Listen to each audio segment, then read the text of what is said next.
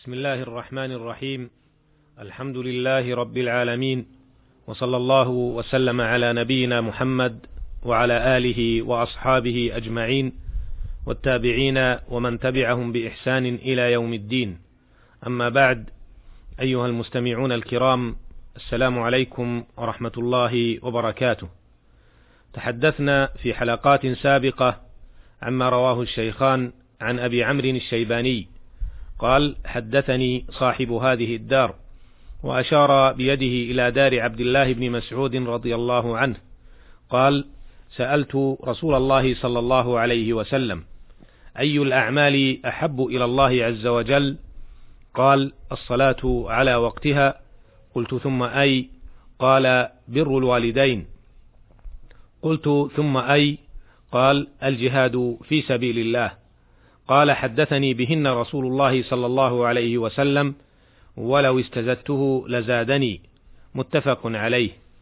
وفي هذه الحلقة نتحدث عما رواه الشيخان عن عائشة رضي الله عنها أنها قالت لقد كان رسول الله صلى الله عليه وسلم يصلي الفجر فتشهد معه نساء من المؤمنات متلفعات بمروطهن ثم يرجعن إلى بيوتهن ما يعرفهن أحد من الغلس. متفق عليه. في هذا الحديث أحكام مهمة وفوائد عديدة وحكم عظيمة أعرضها في الوقفات الآتية. الوقفة الأولى. قوله متلفعات. قال الأصمعي التلفع أن تشتمل بالثوب حتى تجلل به جسدك. وقال ابن الأثير في النهاية اللفاع ثوب يجلل به الجسد كله كساء كان أو غيره. وتلفع بالثوب إذا اشتمل به. وقوله بمروطهن المروط جمع مرط وهو كساء معلم من خز أو من صوف أو غير ذلك. وهو خاص بالنساء. وقيل لا يسمى مرطا إلا إذا كان أخضر. قال الحافظ ابن حجر رحمه الله وهو مردود بقوله مرط من شعر أسود. قوله ما يعرفهن أحد من الغلس الغلس بفتح الغين واللام وهو اختلاط ضياء الصبح بظلمة الليل.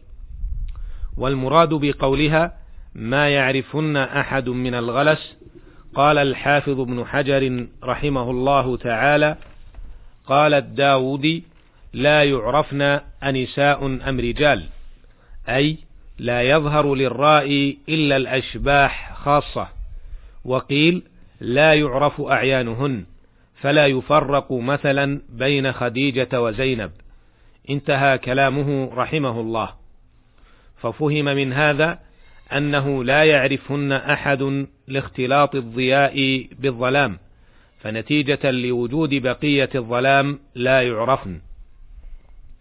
الوقفة الثانية يستفاد من هذا الحديث المبادرة إلى صلاة الفجر في أول وقتها، وعدم تأخيرها إلى الإسفار، فتصلى عند بداية اختلاط النور بالظلمة، وهذا ما ذهب إليه جمهور أهل العلم، ومنهم الأئمة الثلاثة مالك والشافعي وأحمد رحمهم الله تعالى مستدلين بهذا الحديث وغيره من الأحاديث ومنها ما رواه البخاري وغيره عن أنس رضي الله عنه أن زيد بن ثابت رضي الله عنه حدثه أنهم تسحروا مع النبي صلى الله عليه وسلم ثم قاموا إلى الصلاة. قلت كم بينهما؟ قال قدر خمسين أو ستين يعني آية. وروى البخاري وغيره عن أبي حازم أنه سمع سهل بن سعد رضي الله عنه يقول كنت أتسحر في أهلي ثم يكون سرعة بي أن أدرك صلاة الفجر مع رسول الله صلى الله عليه وسلم. واعلم أخي المستمع أن المبادرة إلى الصلوات وبخاصة صلاة الفجر من هدي محمد صلى الله عليه وسلم. ولذلك ورد في فضل صلاة الفجر نصوص كثيرة مفضلة فيها ومرغبة بالمبادرة إليها ومحذرة من التخلف عنها أو تأخيرها عن وقتها.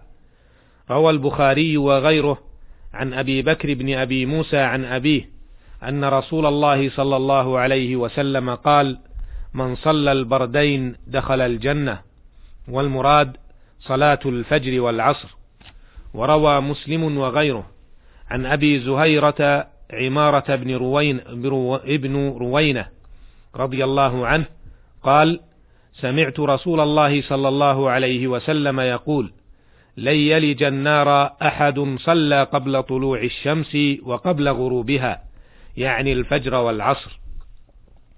وروى مسلم وأصحاب السنن وغيرهم عن جندب بن عبد الله رضي الله عنه أنه قال قال رسول الله صلى الله عليه وسلم من صلى الصبح فهو في ذمة الله فلا يطلبنكم الله من ذمته بشيء فإن من يطلبه من ذمته بشيء يدركه ثم يكبه على وجهه في نار جهنم.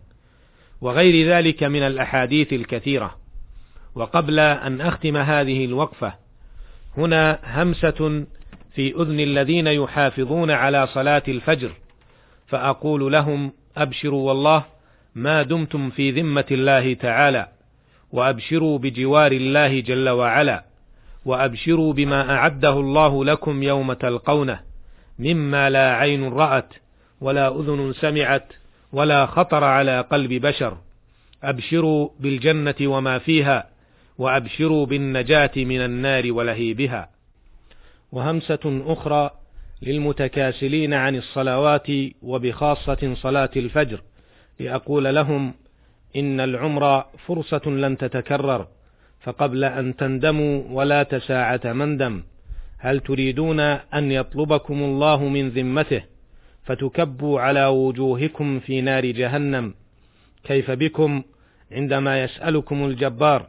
عن هذه الصلوات المفروضة فما إجابتكم؟ اتركوا السهر على ما لا فائدة منه لتدركوا فضيلة الفجر. اذكروا الله تعالى عند نومكم لتستيقظوا, لتستيقظوا مبكرين لها. اسألوا الله تعالى الإعانة على الطاعة لئلا يفوتكم الخير العظيم. عظموا هذه الصلاة في نفوسكم لتنتبهوا إليها. اعتبروا بحال من مضى من آبائكم وأمهاتكم وأقاربكم وأصدقائكم وجيرانكم قبل أن تتمنوا في القبر أجر ركعة واحدة فلا تستطيعوا الحصول عليه. إن في ذلك لذكرى لمن كان له قلب أو ألقى السمع وهو شهيد. فكونوا أيها الإخوة المستمعون منهم. الوقفة الثالثة. مما يستفاد من الحديث جواز خروج النساء إلى المساجد لشهود الصلاة مع الرجال. قال الحافظ ابن حجر رحمه الله: ومحل ذلك إذا لم يخش عليهن أو بهن فتنة. انتهى كلامه رحمه الله. ولذا تقول عائشة رضي الله عنها متلفعات بمروطهن ثم يرجعن إلى بيوتهن ما يعرفهن أحد.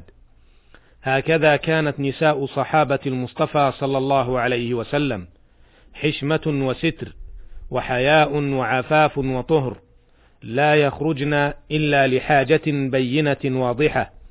ومن المؤسف حقا أن تجد كثيرا من النساء اليوم يكثرن الخروج من بيوتهن لحاجة ولغير حاجة فيكفي أن تلقي نظرة في الأسواق العامة لتجدها مليئة بهن بل وأحيانا بشيء من التبرج والتكشف والسفور.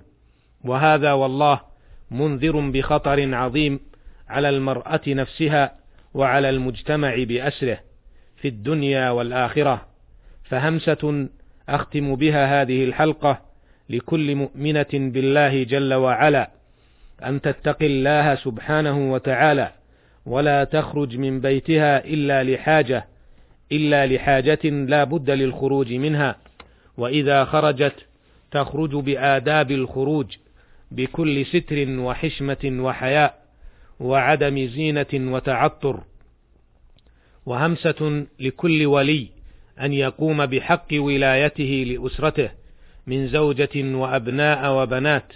فالله جل وعلا سائل كل راع عما استرعاه عليه فلنجعل من سلف هذه الأمة قدوة حسنة نستنير بسيرتهم لعل الله أن يحشرنا معهم مع النبيين والصديقين والشهداء والصالحين وحسن أولئك رفيقا إنه سميع مجيب وهو المستعان وإلى اللقاء في الحلقة القادمة إن شاء الله والسلام عليكم ورحمة الله وبركاته.